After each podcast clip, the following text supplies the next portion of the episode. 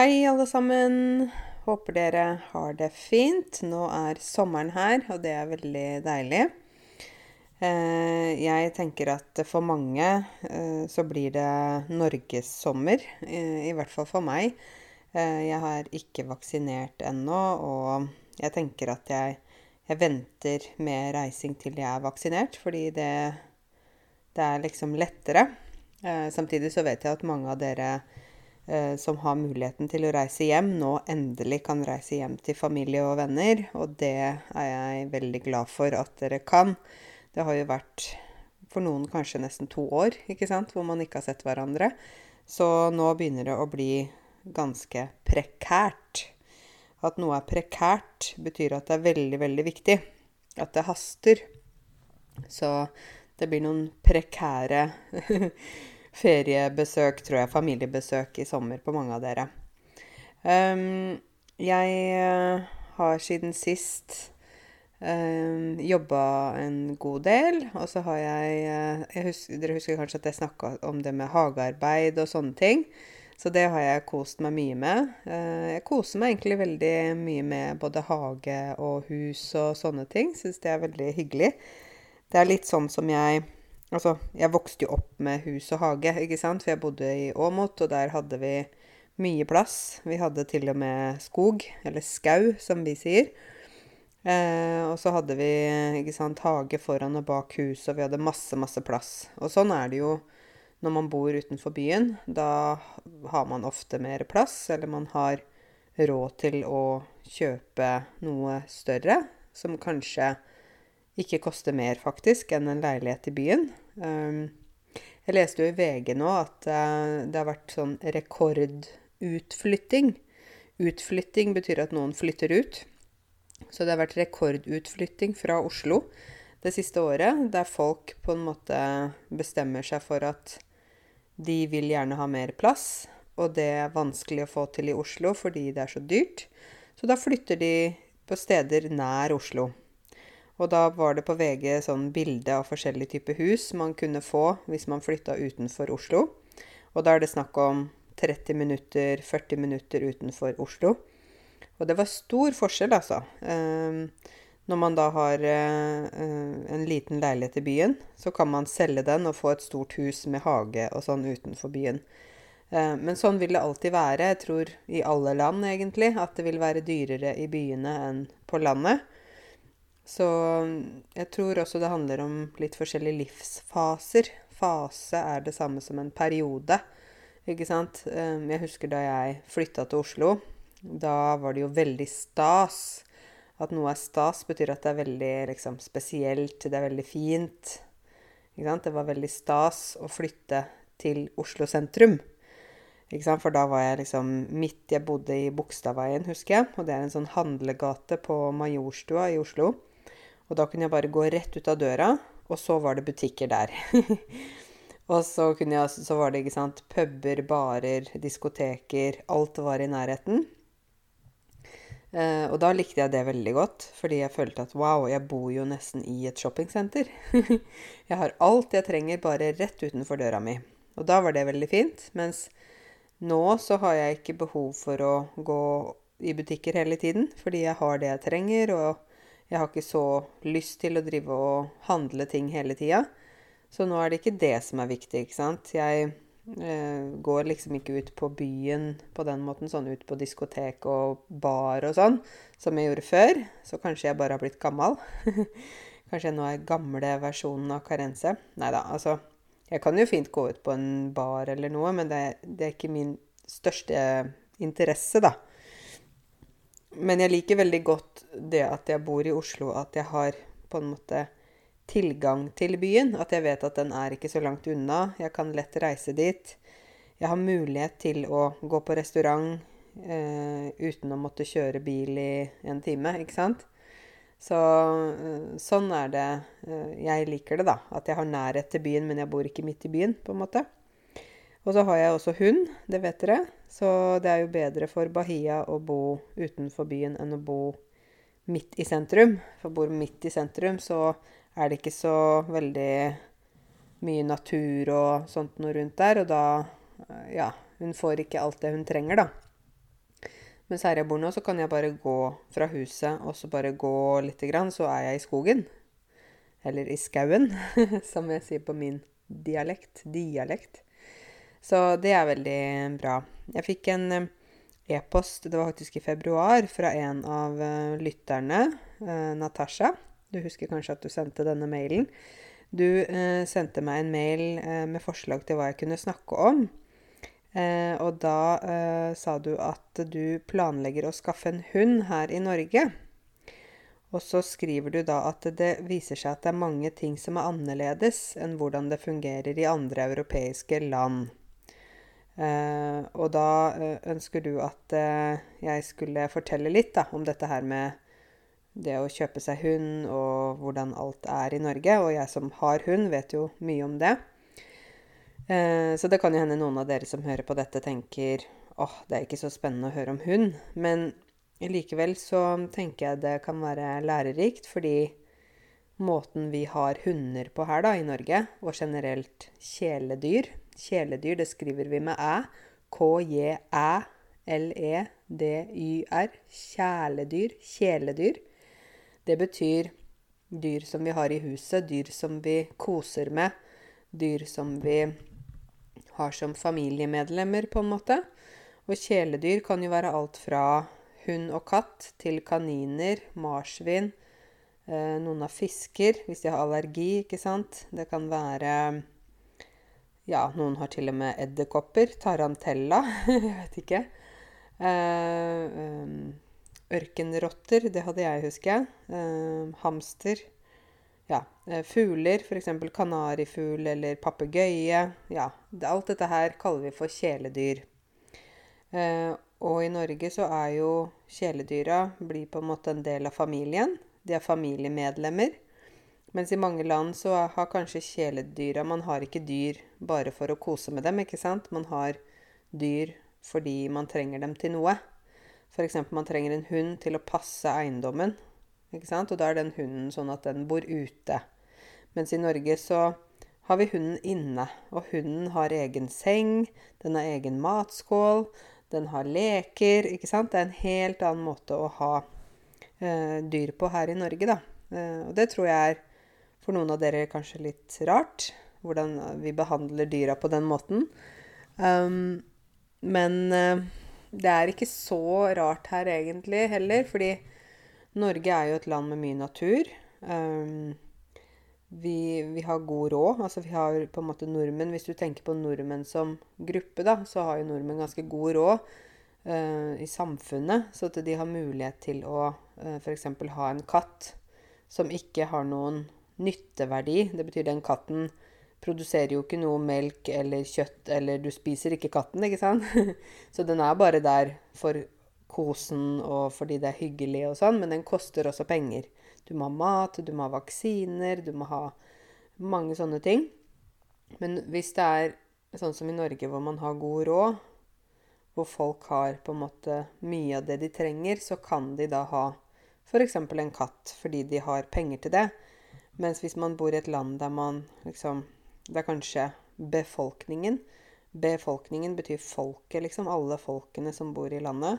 Der befolkningen kanskje har dårligere råd eller, eller noe sånt. Da blir jo ikke kjæledyr en prioritet. Da er ikke det viktig, ikke sant? Da er det mer viktig å betale husleie, kjøpe mat, sånne type ting. Medisiner.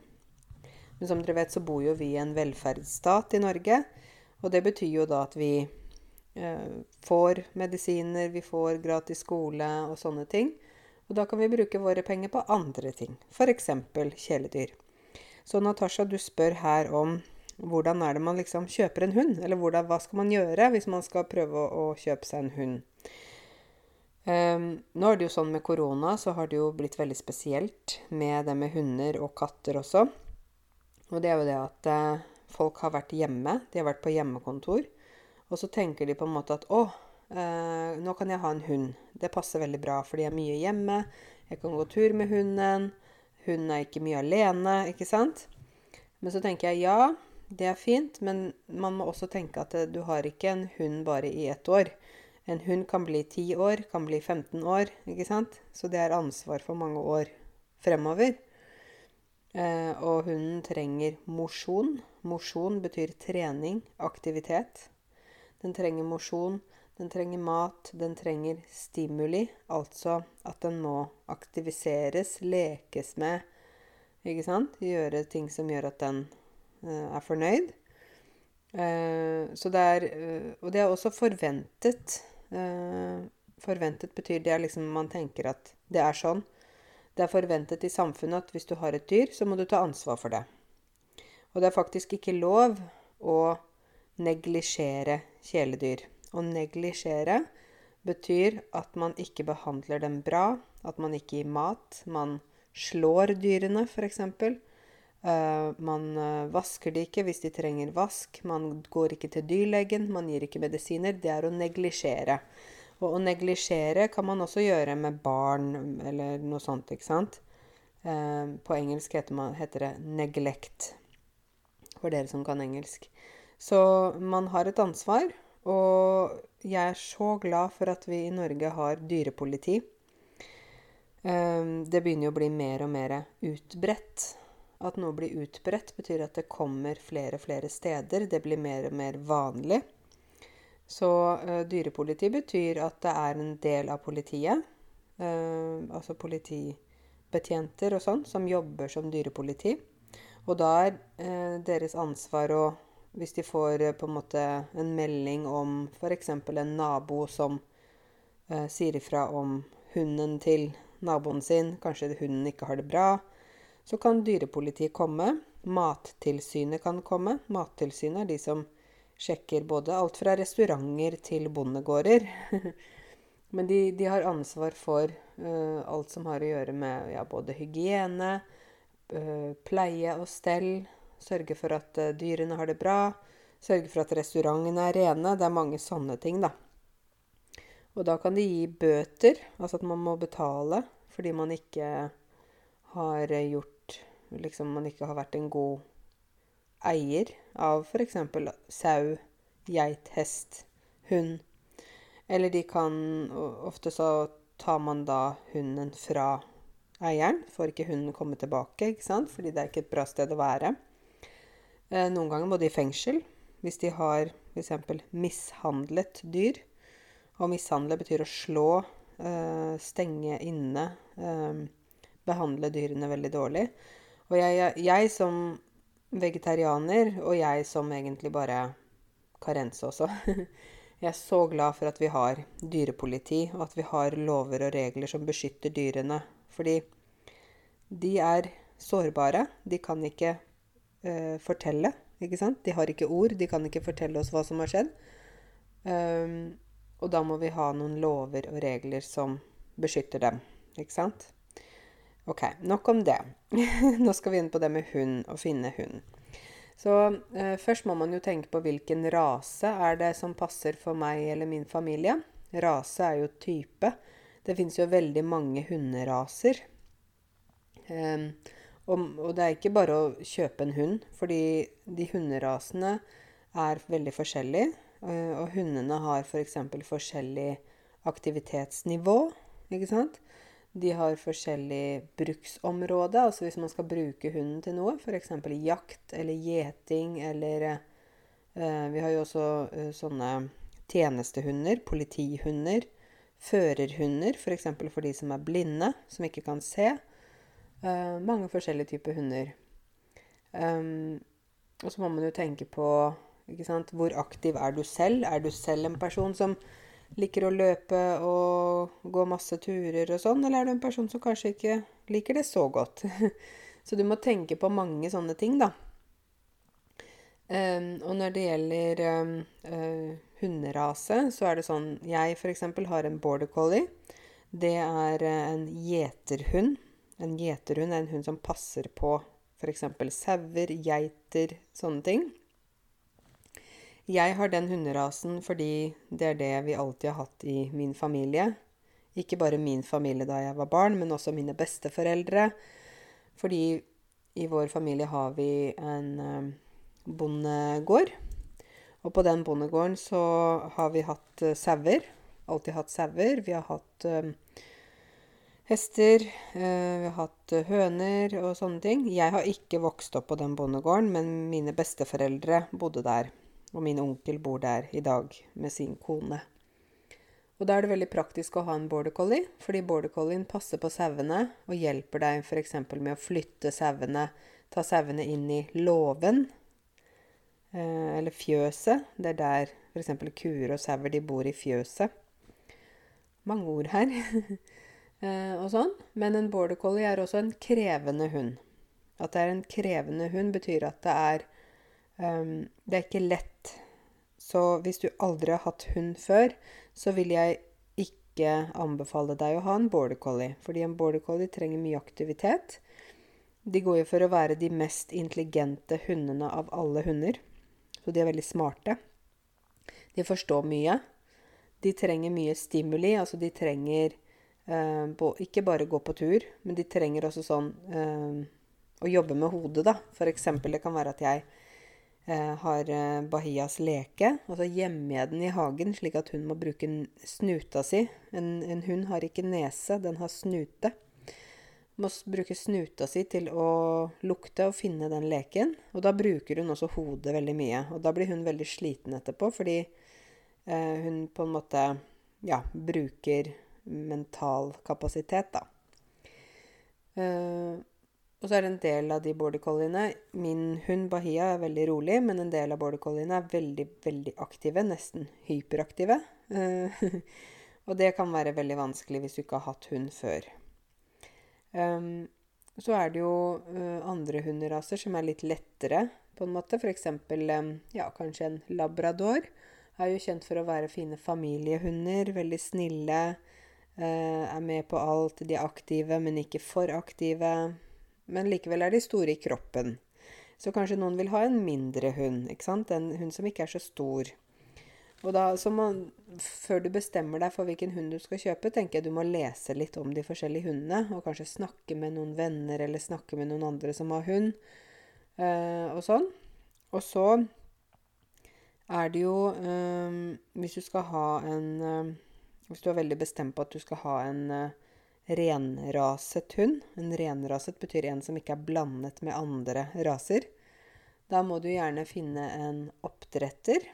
Og en oppdretter er noen som da driver med altså Vi kaller for hundeoppdrett. Altså de har um, valper de har, de har, flere hunder, og så får de valper og selger og sånn. Um, jeg kjøpte ikke noe hund fra oppdretter, fordi jeg er ikke så opptatt av eh, stamtavle. Stamtavle er jo det papiret på hunden, på en måte, som sier hvem som er mammaen og pappaen, eh, og hva slags eh, kvalifikasjoner. Nesten som en CV. Jeg har ikke noe papirer på Bahia, men jeg er veldig fornøyd med henne. Mens det kommer an på hvilken rase du skal ha. Om du må finne en oppdretter og da er det snakk om en seriøs oppdretter, fordi det er jo også noen som ikke behandle hundene bra og sånne ting, og da vil jeg si de er useriøse oppdrettere. Og da kan det jo være hunder som har liksom øh, ikke er helt vanlig sånn mentalt. Hvis de ikke har blitt behandla bra og sånne ting, så kan, du, så kan, det påvirke hunden videre, da.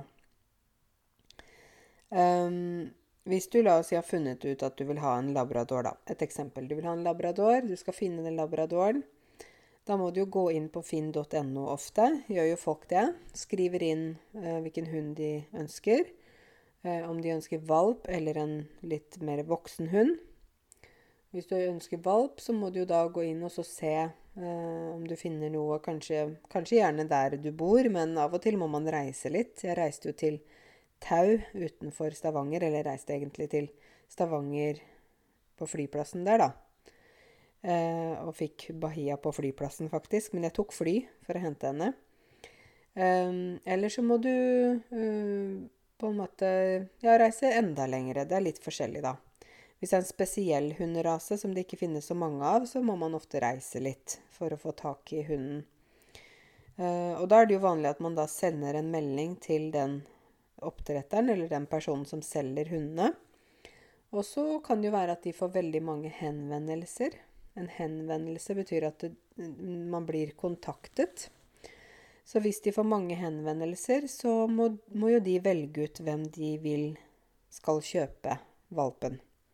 Og da må man gjerne presentere seg selv litt. Fortelle liksom hvem du er, hvordan du bor. Jeg bor i leilighet, jeg bor i hus, ikke sant. Hvordan du er som person. Er du aktiv? Er du ivrig? Er du Ikke sant? Sånne ting. Uh, og da Da vil det jo være eh, på en måte mulighet for å eh, presentere seg selv. Det er nesten som du sender en jobbsøknad, selv om det ikke er jobbsøknad. fordi har jo, Bahia har jo hatt valper, hun også. Og um, da hun hadde det, så var jeg veldig opptatt av hvem som skulle kjøpe valpene. Fordi jeg var veldig opptatt av at de valpene skal få et godt hjem. Og da var, fikk jeg henvendelser fra folk som gjerne ville kjøpe valpen, men som, der jeg tenkte at nei, dette er ikke riktig person. Jeg husker det var en person som gjerne ville kjøpe en valp til bursdagsgave til sin pappa.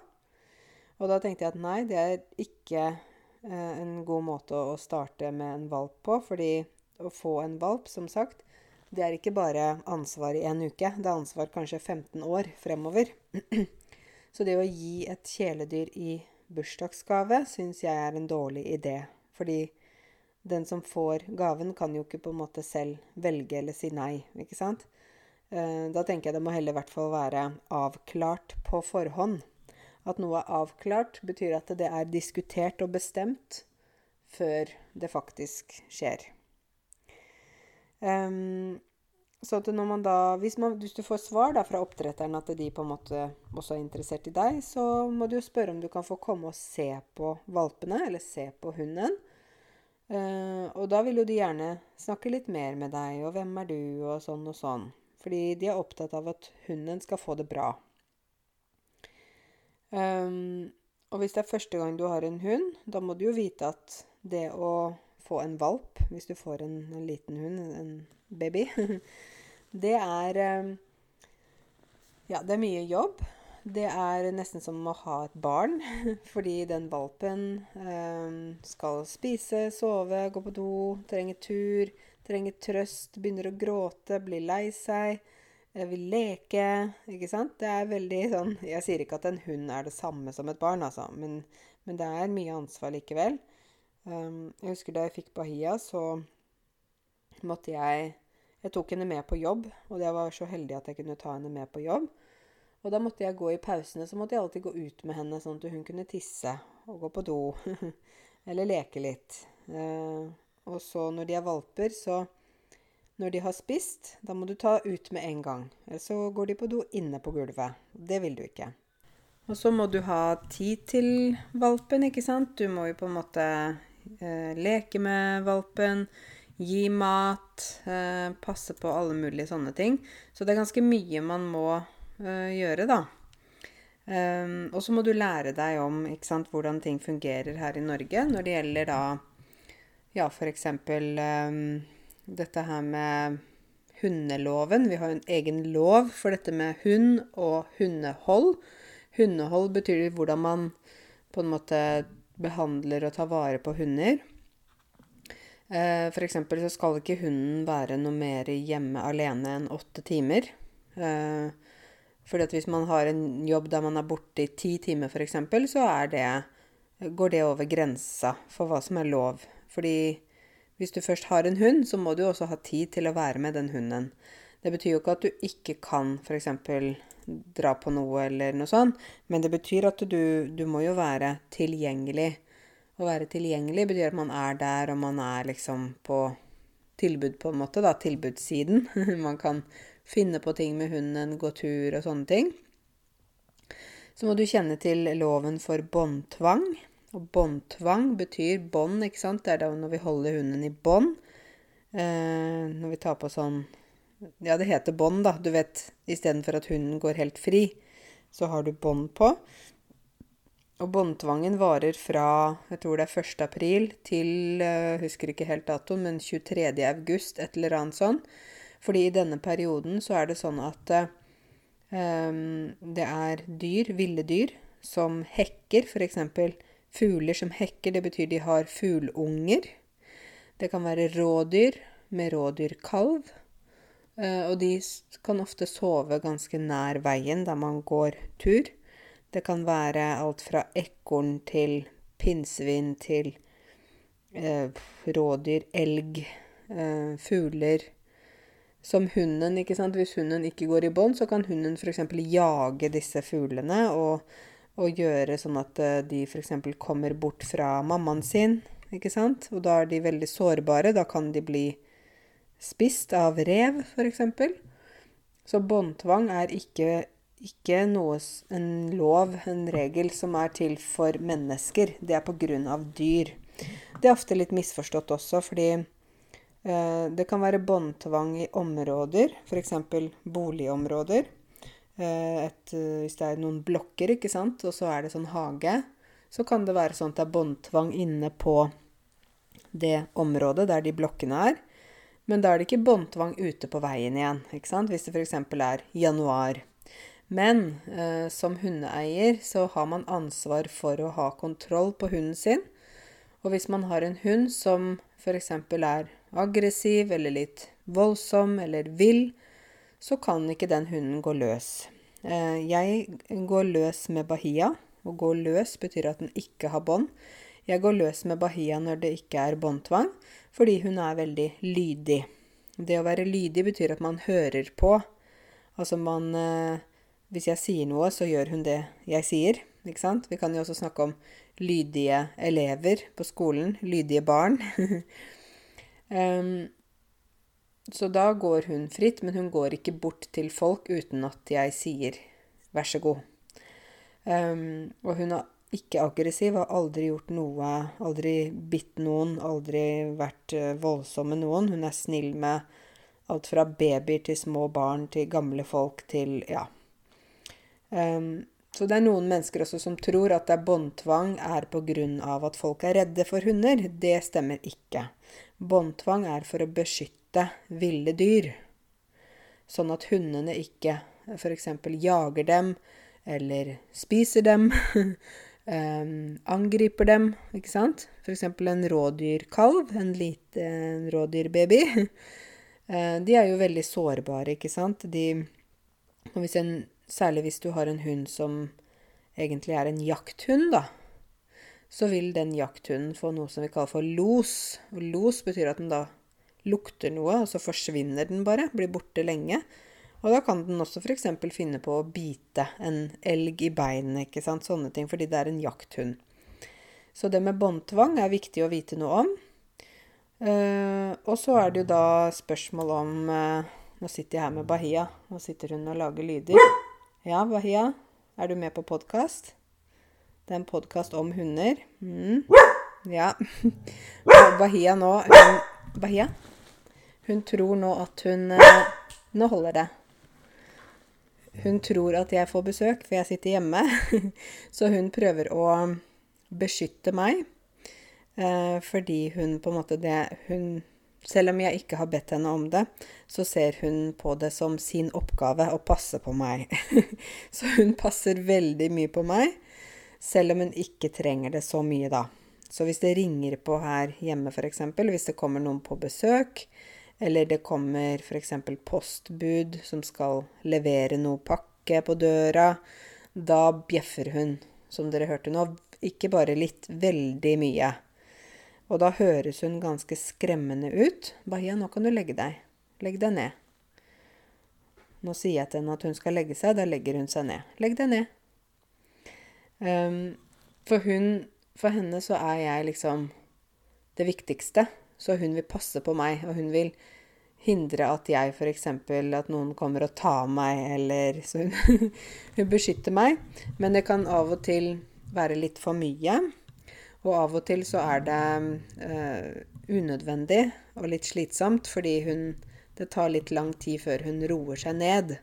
Hun bjeffer og stresser, og hun knurrer. Da gjør hun sånn vrr, Selv om hun aldri har gjort noe mot noen, så kan det virke veldig skremmende hvis man ikke kjenner hunden, ikke sant?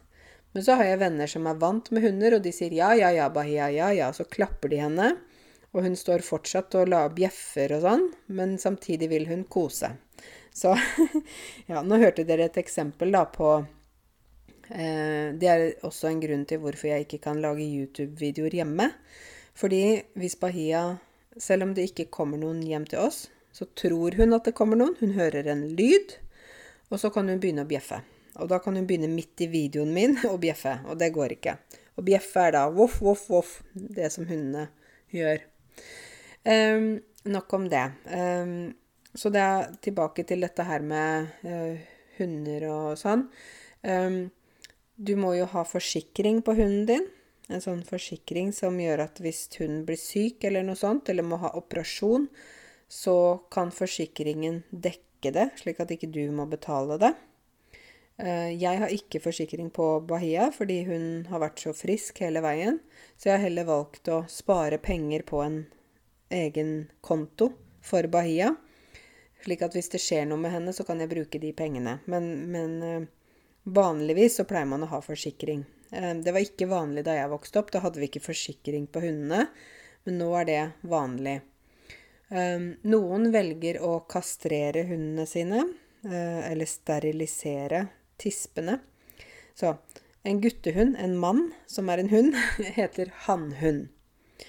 Og noen velger å kastrere sin hannhund, å kastrere betyr at man fjerner testiklene, slik at uh, hunden ikke kan lage barn.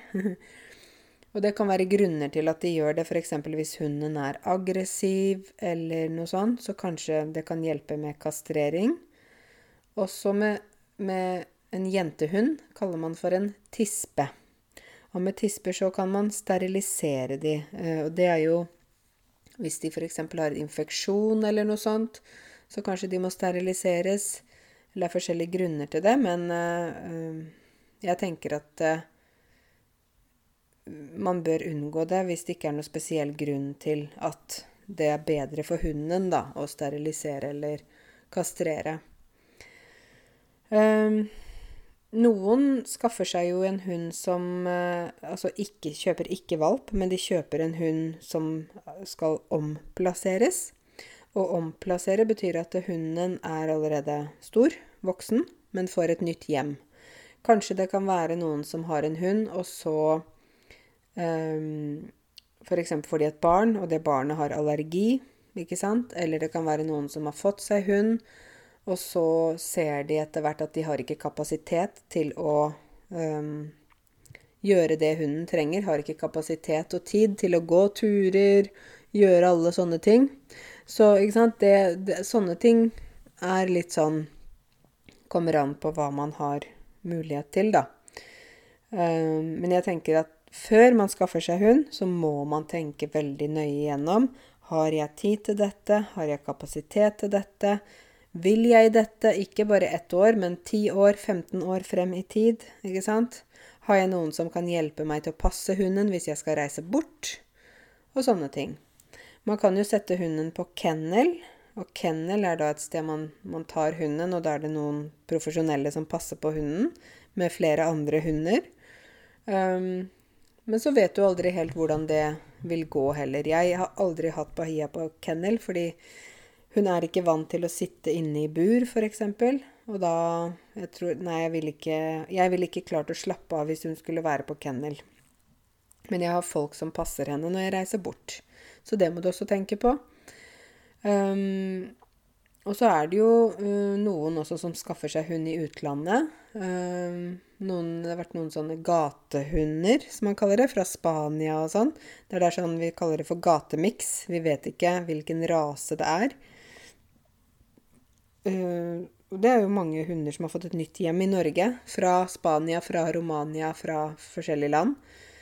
Um, og så er det jo også dessverre um, en del smugling av f.eks. valper fra et land til Norge, uh, der de skal sant, selge valpene for veldig dyr penge, og kanskje det er hunder som er syke og sånt noe. Så det er mange ting å tenke på. Altså, det er ikke bare å skaffe seg en hund. Når alt dette er sagt, nå sa jeg mange negative ting, men det er bare sånn ting man må passe på, da. Så vil jeg jo si at det er veldig utrolig hyggelig å ha en hund. Det er et familiemedlem. Du blir glad i hunden. Eh, hunden er jo veldig lojal mot eierne sine der de bor. Så dere hørte Bahia nå. Hun bjeffa, ikke sant? Hun beskytter meg, passer på meg. Um, det er en venn. En hund kan være en venn som aldri er sint på deg, aldri går fra deg. Den er alltid med deg. Fordi den, den tar en oppgave som å passe på deg, da. Og du gir hunden kjærlighet og mat og aktivitet og sånne ting. Så ja, det er som et familiemedlem. Um, jeg har jo vokst opp med hunder og dyr, og jeg kan ikke tenke meg et liv uten noe dyr i huset. Um, fordi det var sånn jeg vokste opp, det er sånn jeg trives. Uh, og det er en, liksom en naturlig del av livet mitt. Men jeg forstår at mange er veldig skeptiske og redde og, og sånn. Men her i Norge har vi mange hunder. Vi har mange kjæledyr. Uh, så jeg tror også det er viktig å i hvert fall For jeg har sett en del innvandrere som lærer på en måte barna sine eh, være redd for hund. Ikke sant? Selv om hun, barna kanskje er nysgjerrige, så ser jeg det at eh, det er eh, de voksne som er redde, og så overføre Du vet, overføre penger på konto. det går fra én konto til en annen konto. Men å overføre redsel, altså de overfører sin frykt til barna sine. Og det tenker jeg er eh, veldig dumt. Fordi barna må jo skaffe seg egne erfaringer. Og hvis det er sånn at de liker hunder, de er nysgjerrige, de er interesserte, så syns jeg foreldrene må legge sin frykt til side og la barna få bli kjent med kjæledyr, da. Det betyr ikke at man skal ha et dyr, men at man i hvert fall ikke må være redd for det. Ja, så det er jo noen som Ikke bare noen, jeg har sett mange, eh, særlig innvandrerforeldre, som er kjemperedd for hundene selv. Og så overfører de dette til barna, og da blir barna redde. Og så blir barnebarna redde, og så bare fortsetter det sånn. Og jeg tenker det er litt viktig at man lærer seg at i Norge så er det litt annerledes med hunder. Vi har ikke gatehunder. Vi har ikke Altså, vi har lover, vi har båndtvang, vi har en del ting. Og hundene i Norge er renere. De er ikke så skitne. De blir vasket, de blir vaksinert, ikke sant. Sånne ting. Um, og jeg har sett det. Jeg har jo hatt med Bahia på flere skoler der jeg har jobbet. Og jeg har sett at uh, uh, elever, da, voksne innvandrere som har vært veldig redde for hunder egentlig, når uh, de har blitt kjent med Bahia etter hvert, så har de elsket henne.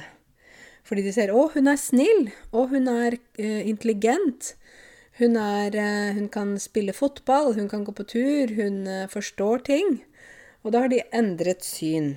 Men ikke sant? Det betyr at det er veldig viktig at de møter riktig hund. For hvis man har en dårlig erfaring med hund, eller man har blitt angrepet, altså at en hund har løpt på deg, bitt deg, så forstår jeg veldig godt at man er kjemperedd. Og da hvis du igjen møter en hund som er sånn aggressiv, da vil det jo bli enda verre, ikke sant? Da vil det jo bli dobbelt så sterkt, den frykten som du har, da. Så derfor tenker jeg det er øh, Jeg skjønner at folk er redde, men man må samtidig akseptere at Norge er et land med veldig mange hunder. Eh, da må man heller lære seg å leve med det, istedenfor å gå imot det hele tiden. Eh, og hundene også. Når man liksom blir sånn å, jeg er redd, jeg er redd, jeg er redd. Så liksom hele kroppsspråket, alt viser at dette er en person som er redd. Hvis du bare går rolig forbi, ikke sant, og ikke lager så mye drama, så er det mye bedre for alle. Jeg sier jo dette her til alle nå, men jeg er sikker på mange av dere som liker hunder og har hunder. Men øh, jeg har opplevd mye at det er mye frykt, da. Så hund kan også være veldig fint. Det kan også være veldig fint å ha hund.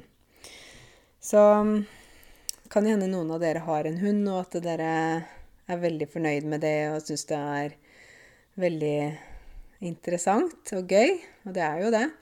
Men det er mye ansvar, og det er, det er litt sånn både òg, da. Det er både ansvar og glede.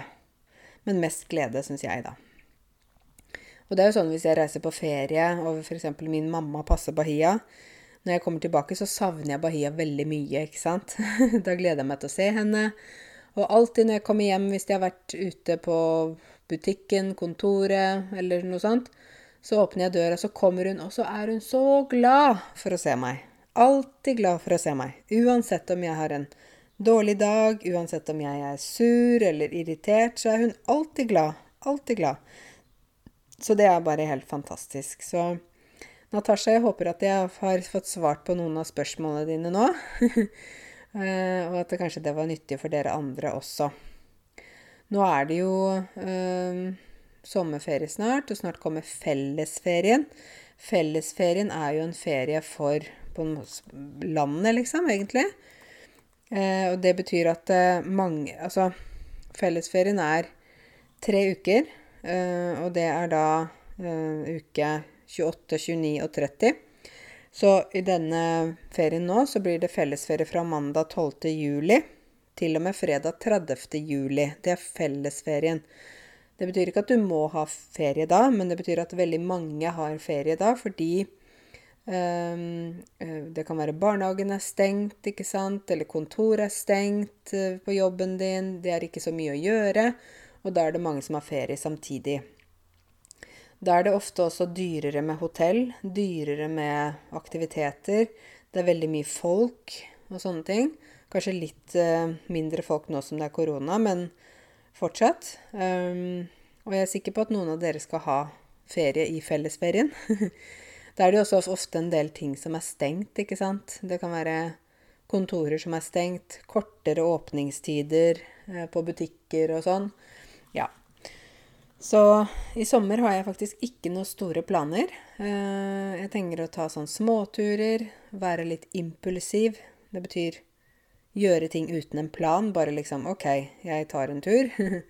Jeg skal ikke reise til utlandet, fordi eh, i dag fikk jeg faktisk SMS om eh, vaksine. Og jeg var så glad, så jeg skal ha min første vaksinedose. Den skal jeg få 5. juli. Og neste der igjen skal jeg få 27. september. Så det blir eh, veldig supert. og da tenker jeg at etter det, da vil jeg gjerne reise. Men jeg orker faktisk ikke å reise når det er så mye restriksjoner, nå som jeg ikke er vaksinert, f.eks. For eksempel. Fordi dere vet at jeg har reist mye i livet mitt. Jeg har reist i mange land og i mange år. Øh, mange steder. Og for meg så er reising er en glede, det er en livsstil, det er en del av meg. Så hvis jeg skal reise med så masse restriksjoner og karantenehotell og testing og åh, jeg, jeg, orker ikke det. Jeg vil reise på den måten sånn som jeg alltid har reist, og kose meg og ja. Men en dag skal jeg reise igjen, og da skal jeg uh, komme med reisepodkaster til dere. Men inntil videre så blir det inntil videre. Det betyr inntil det skjer til den tiden det skjer, så blir det bare vanlige podkaster hvor jeg snakker om løst og fast. I dag snakker jeg veldig mye om hund og hundehold, eh, men jeg tenker at det er et interessant tema fordi det berører oss alle. Det betyr det påvirker oss alle, som igjen betyr det, det, har effekt, da. Vi merker det. ikke sant? Vi merker at det er hunder ute på gata i samfunnet.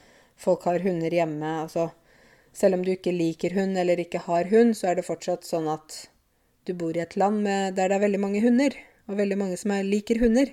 Så det er greit å vite litt om hvordan det er, da. Nå tenkte jeg faktisk at jeg skulle gå ut i hagen og mate fuglene. Så selv om det er sommer, og selv om fuglene egentlig ikke trenger mat om sommeren, for de finner jo maten selv, så har jeg kjøpt sånn frø, sånne små frø som fuglene spiser da. Og det syns jeg er så hyggelig, for jeg har en sånn fuglemater, sånn type slags uh, hva skal jeg, beholder, container, der jeg putter maten oppi, og så kommer de og spiser, da. Så jeg syns det er så hyggelig å se på dem. Så jeg tenkte jeg skulle nå gå ut og mate fuglene litt. Uh, og så senere i kveld så må jeg gå rundt i hagen og plukke brunsnegler. Dere vet de sneglene, de brune som kommer i hagen, de som spiser opp blomstene. De går jeg og plukker om kvelden, fordi at de ødelegger eh, grønnsakene mine og blomstene og sånne ting.